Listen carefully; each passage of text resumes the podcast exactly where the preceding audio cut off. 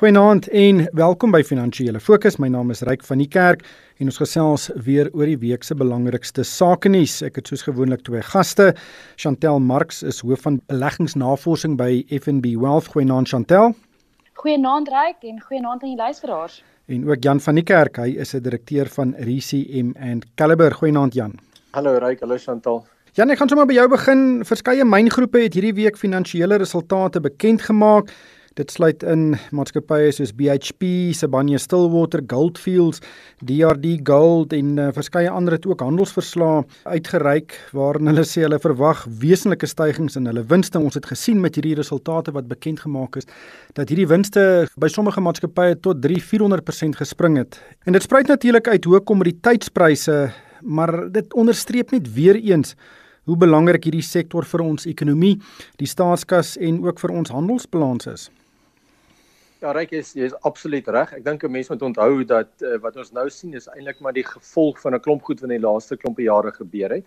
Uh ons weet dat so 5 jaar gelede was mynhuise onder groot druk omdat kommoditeitspryse laag was en dit het maar veroorsaak dat mynhuise ophou het om te belê. Dit beteken hulle het nie nuwe myne begin nie. En nou dat uh, die vraag na hulle produk toeneem, is daar nie genoeg mense wat dit kan verskaf nie en die pryse gaan op en dit beteken dat die ouens wat nog oor is kan nou heelwat geld maak in die proses. En weet jy noem dat die winssyfers met honderde persent op is. Ek dink is meer indrukwekkend as jy die bedrag noem. Jy weet dis biljoene rand se wins wat hulle maak in halfjare. So dit is baie belangrike deel van Suid-Afrika en van die Suid-Afrikaanse ekonomie. Uh, en dit wys vir ons dat as ons 'n uh, stabiele omgewing het waarbinne ons nog verdere beleggings in die mynwese kan maak, dat dit nog beter met Suid-Afrika kan gaan. Chantel, jou gedagtes oor die syfers wat ons gesien het? Nou kyk, daar is 'n mate van van die siklus wat 'n rol hierso speel. So op die oomblik het mense 'n situasie waar kommoditeitspryse baie hoog is en as gevolg van die feit dat baie van hierdie mynhuise amper bankrot gespeel het 5 of 6 jaar terug, het hulle hulle kostes van so 'n mate verminder dat die tipe van profite wat hulle op die oomblik maak is ongelooflik groot. Die risiko nou dink ek is dat hulle gaan begin bestee om om nuwe produkte in die mark in te stoot en dit kan in dit kan twee goeders veroorsaak. So hulle kan of oorbestee en in projekte belê wat nie winsgewend is nie, wat baie gebeur um, met mynhuise veral in die verlede. Uh en dan die tweede ding is hulle gaan dan meer produk in die mark sit wat dan afwaartse druk op hulle op op die kommoditeitspryse gaan plaas. So mense gaan moet fyn kyk na hoe hierdie dinamiek gaan uitspeel. En dan dink ek die volgende ding waar ek 'n klein bietjie bekommerd is, is dat hulle te gemaklik raak met hulle winste en dat hulle kostes nou weer 'n bietjie gaan begin klim. En ons het al gesien dat by van die mynhuise veral in die uh, in in goud en in platinum uh, het hulle al gesê dat hulle kostes gaan redelik klim hierdie jaar. Ek weet dat van ek weet Pan African Resources spesifiek het vir my uitgestaan want selfs in hierdie laaste jaar het hulle kostes in um, met meer as 10% gestyg. So net 'n paar goeders om in ag te neem, maar ek dink dat dit kan nog goed gaan met hulle veral as hulle versigtig hulle kapitaal allokeer. Daar leer ek ook 'n nuwe Afrikaanse woord, profite. Ek het dit nog nooit gehoor nie. Pragtige. Nee, pragtige Afrikaanse woord. Maar Jan, ek is bekommerd. Ek het nou baie van hierdie syfers in taamlike detail gaan kyk en dit is eintlik opmerklik dat produksiesyfers baie baie konstant was. Dit dit het glad nie gestyg nie. Sommige van die groot myngroepe het minder geproduseer as wat hulle in vorige jare gedoen het en die winste spruit maar uit die hoë kommoditeitspryse uit. Maar die die groot vraag is, ons het in die 2000s die kommoditeitsbilmark heeltemal gemis. En nou is ons op die vooraand van nog so 'n bilmark of ons is miskien al uh, te midde van hierdie bilmark en as ons nie produksiesyfers kan verhoog nie, dan gaan ons dit weer mis. Ja, Ryk, jy is 100% reg. Die vorige keer het ons maar net die voordeel van hoër pryse gehad eerder as dat ons meer volume kon verkoop. En in hierdie siklus lyk dit dis dieselfde. Dit is onwaarskynlik dat ons myne meer gaan produseer want hulle het net nie genoeg belê die afgelope tyd om dit te kan doen nie. En dit gaan beteken dat ons kompetisie hoofsaaklik in lande soos Australië en Kanada uh, gaan maar net en en weet in Suid-Amerika gaan maar net daai gat in die mark vul en hulle gaan die winste maak. Uh so ek dink jy jy kyk na presies die regte dinge jy's bekommerd vir die vir die regte rede. Uh en daar's niks wat op die oomblik in die mynwese in Suid-Afrika gebeur wat vir ons sê uh dat hierdie situasie gaan verander nie. Daar's nog geen nuwe projekte aangekondig nie. Uh ek meneer Neil Froneman by Sibanye het, het spesifiek gesê weet die beleggingsomstandighede, die politieke omstandighede in die land is van so 'n aard dat uh, mynmaatskappye nie groot kapitaalprojekte hierso wil uh, aan die gang sit nie. Ja, dit is uh, dit gaan 'n groot tema wees vir die afsienbare toekoms. Maar Chantel, nog 'n groot storie van die week was uh Janitha John wat as die uitvoerende hoof bedank het van die onafhanklike reguleringsraad van ouditeure of IRBA. Dis 'n baie belangrike liggaam in Suid-Afrika want dit reguleer die ouditbedryf En daar was aanvanklik baie kritiek toe sy aangestel is. Sy was die hoof van die auditkomitee van Tongaat Hewlett toe daar sulke wesenlike finansiële ongeruimthede daar plaasgevind het en uh Tito Mboweni het verlede maand die hele direksie ontbind omdat sommige direkteure bedank het oor haar aanvanklike aanstelling. So dis een groot gemors by Irba, dis 'n belangrike instelling want dit moet die standaarde in die ouditbedryf um, hoog hou. Wat wat maak jy van uh, Janitha se bedanking? Ja, kyk, dit is ongelukkig dat dat dit so wisselvallig en so moeilik daarso gaan op die oomblik want soos jy noem, dit is 'n 'n baie belangrike instansie ek dink dat dat haar aanstelling was was baie negatief ervaar as gevolg van die koneksie met Tongaat. Maar mense moet ook verstaan dat sy was op die audit komitee wat uitgevind het en wat wat gekrap het en op die einde van die dag neergekoop of, of of uitgevind het dat daar ongeruimdhede plaasgevind het. So dis dis baie moeilik om te sê tot watter mate sy gehelp het of gehinder het by by Tongaat Juliet. Maar nog steeds, dit is maar net of was 'n vraagteken agter haar naam gewees en ek dink hopelik uh, kan ons nou die volgende paar weke meer sekerheid kry by daai by Irba en voortgaan van hier af. Ja, Jan, jy staan aan die stuur van verskeie groot maatskappye en jy steun baie op die menings van ouditeure. Maak wat nou gebeur in Suid-Afrika in die ouditbedryf jou bietjie bekommerd? Nie regtig nie, ryk van 'n praktiese punt af, jy weet, die Suid-Afrikaanse ouditprofessie is is jy weet baie sterk, baie professioneel, baie van ons mense het oorsee gewerk en weet word gereguleer deur internasionale standaarde. Ehm um, ek sien hierdie meer as 'n politieke storie by Urba, ehm um, weet as as 'n praktiese issue.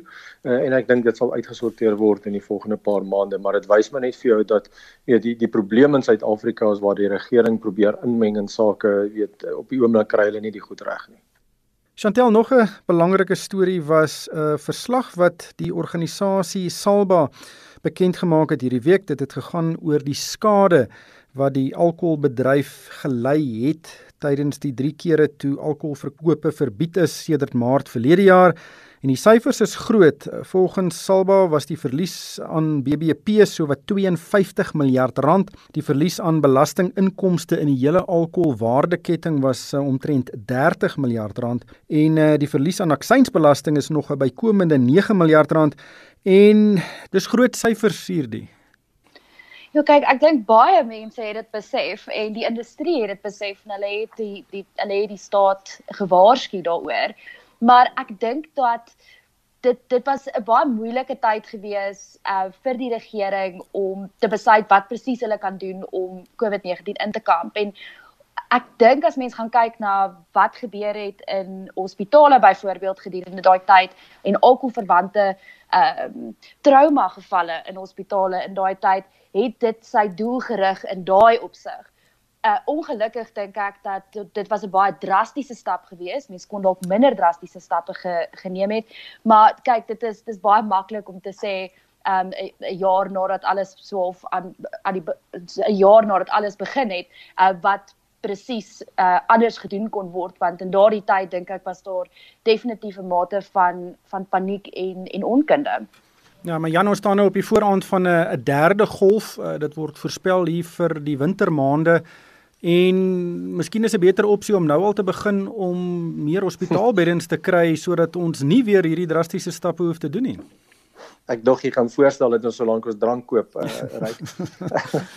Ehm uh, uh, miskien net om om die syfers in konteks te sit. Onthou 50 miljard rand in BBP klink na 'n groot bedrag, maar Suid-Afrika se BBP die laaste keer wat dit normaal weet gemeet is was omtrent 5 trilljoen rand. So dis 'n persentasie dit weet van die grootte van die ekonomie.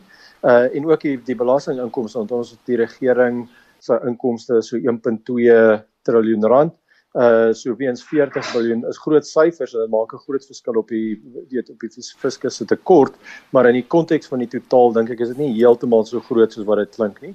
Maar ek dink jy's reg die die antwoord is nie noodwendig om weer die ekonomie toe te sluit nie. Die antwoord is om reg voor te berei om met die mediese sake te kan omgaan. So die regte ding is om die hospitale voor te berei dis reg Chantel, kom ons gesels oor die begroting. Ons sê elke jaar die nasionale begroting hier in Februarie gaan die belangrikste ene ooit wees. Maar so kom ons sê hierdie ene gaan 'n baie belangrike een wees. Ons gaan baie slegte nuus hoor. Die vraag is net hoe sleg daardie nuus gaan wees. Uh, wat verwag jy? So ek dink hierdie gaan dalk nie die belangrikste begroting wees nie of dalk is dit die belangrikste groot begroting, maar dit is wel ek dink die moeilikste tyd uh, om 'n begrotingsrede te gee. En as mens net kyk na die impak wat COVID-19 op die ekonomie gehad het en op die belastingbasis, dan kan mens verstaan hoekom hierdie 'n verskriklike moeilike begrotingsrede gaan wees. Ek dink wel dit gaan 'n bietjie beter wees as wat die staat verwag het in Oktober. En die rede hoekom ons so sê is as mens gaan kyk na wat inkomstebelasting gedoen het elke maand tot en met die einde van Januarie, lyk dit asof die die belastingtekort dalk 'n bietjie kleiner kan wees as verwag. So ek ek het net 'n paar syfers by ons ekonomie span gekry en hulle sê persoonlike inkomstebelasting het tot op hede 9.1% op 'n jaargrondslag basis gekrimp so van maart laas jaar af. Maar die tesourier het in oktober gesê dit gaan 13.9% krimp. So baie beter daar. Uh, BTW het slegs 5.4% gekrimp en die tesourier verwag dat dit 17% gaan krimp en dan ehm um, besigheidsbelasting het 10.6% gekrimp teenoor 24.6% wat verwag was. So as gevolg van beter as verwagte belasting, ehm um, behoort dit 'n klein bietjie beter te lyk as wat die staat gedink het ehm um, in Oktober en dit lyk ook asof hulle besteding net 'n klein bietjie hoër was as beplan. So 7% op uh jaar op jaar teenoor 6.8% wat in die in die um mediumtermyn begrotingsrede voorgestel is. Dit gaan nog steeds baie moeilik gaan en dit gaan baie sleg lyk want ons begrotingstekort dink ek gaan nog steeds tussen 11 en 12.5% van BBP wees. Uh maar dis teenoor 14.6% wat verwag was uh, in Oktober. Sjoe, dis lelike syfers daai. Ek maak nie saak hoe jy daarna kyk nie, maar die 5,4% daling in BTW is vir my interessant want dit BTW is in baie opsigte 'n aanduiding van ekonomiese aktiwiteitsvlakke en uh, dit is eintlik uh, minder laer as wat ek gedink het. Dit sou wees uh, Jan, wat verwag jy? Jy weet die die beginsels onderliggend aan 'n begroting is eerlik eenvoudig. Jy weet jy jy moet kyk wat jy gaan inkry en jy moet beplan wat jy gaan spandeer en wat ons regering weet moeilik kry is om die spanderingskant onder beheer te hou. Uh, ek dink ons het op 'n vorige geleentheid gesels oor die die grootste aanduider wat ou moet dophou is wat met staatssalarisse gaan gebeur. Ja, daar's die hofsaak tans oor weet die toenames uh, in staatssalarisse, maar ons moet ook kyk wat die minister dan inpen weet in die toekoms. Chantel, ek dink baie mense sal ook kyk na 'n aanduiding of daar dalk weet besluite geneem gaan word oor strukturele verandering. Die staatsdiens se salarisrekening is een daarvan, die regering se besteding is een daarvan, ons nog een daarvan en ek weet nie heeltemal of daar ruimte is vir die regering en veral vir Tito Mboweni om nou sulke besluite aan te kondig nie. Dink jy dit kan 'n verrassing wees? Ek hoop dat dit 'n verrassing gaan wees want mens kan nie vir altyd ehm um, staatssalarisse uh of, of staatssalarisverhogings op 0% hou nie. En ek glo dit is wat hulle gaan probeer doen um oor die volgende 3 jaar of ten minste vir die volgende jaar of 2. Jy gaan jouself moet uitgroei uit jou skuldlas uit. En die enigste manier om uit te groei uit die skuldlas uit is om daai strukturele veranderinge aan die ekonomie aan te bring. So hulle gaan moet hulle gaan definitief ek dink eerstens moet kyk na wat ons gaan doen omtrent die elektrisiteitssituasie. Ons gaan moet kyk na ehm um, na om hierdie spectrum storie uit te sorteer en dan om dit net makliker te maak vir besighede om besigheid te doen. Ehm um, also 'n bietjie van die ehm uh, sogenaamde red tape uit die stelsel uit en en dan het jy al klaar 'n 'n 'n grondslag wat net baie baie meer positief is van 'n ekonomiese groei perspektief af as die een waarop ons op die oomblik sit. Ja, en ek dink baie mense soek ook van daai detail in 'n begroting. Miskien is dit onbillik om te verwag dat dit in die begroting aangekondig gaan word. Dit miskien op ander platforms. Uh, maar Janet laastens baie mense is bekommerd oor ons staatsskuld en veral bekommerd dat dit tot 100% van ons BBP kan opskiet. Indien dit nie hierdie jaar gebeur nie, miskien aanstaande jaar of 'n jaar daarna, is, is jy bekommerd daaroor en eh, indien wel, hoe bekommerd is jy? Ja, baie bekommerd, Ryk. Ek dink dit is beslis op die kaarte. Uh dis ook in lyn met wat er in die res van die wêreld gebeur. Jy weet baie uh, daar's 'n paar lande in die wêreld waar hulle staatsskuld nie besig is om te styg nie. So ons regering kom so 'n bietjie weg daarmee uh dat ons skuldlas is uh, weet op die ekonomie kan verhoog want dit gebeur maar oral in die wêreld. Uh maar ons ons sê al seker so vir die afgelope jaar dat Suid-Afrika begin nou in 'n ongemaklike posisie kom. Uh want daar is 'n punt waar jou skuld te veel is en waar dit dan bitter moeilik is om daarmee om te gaan. En weet dit lyk nie asof ons fiskale owerhede ernstig is daaroor om dit aan te spreek nie. Uh en dit is die bekommernis en ons weet dat as jy dit nie betyds aanspreek nie, is dit uiteindelik 'n gevolg daarvan. Die enigste manier hoe jy dit doen is hiperinflasie en ongelukkig baie druk op 'n geldeenheid, so baie swakker geldeenheid wat wat nie goed is vir die mense van die land nie. Chantel het 'n mooi woord gebruik, profite. Jy het nou 'n lelike woord gebruik en dis hiperinflasie. Hooplik kom ons verseker nie daar uit in die afsienbare toekoms nie. Maar luister die tyd tot ons ingehaal. Baie dankie aan Chantel Mark, sy is hoof van beleggingsnavorsing by FNB Wealth en ook Jan van Niekerk, hy's 'n direkteur van RCM and Caliber. En vir my ryk van die kerk, dankie vir die saamluister en ek koop almal het 'n winsgewende week.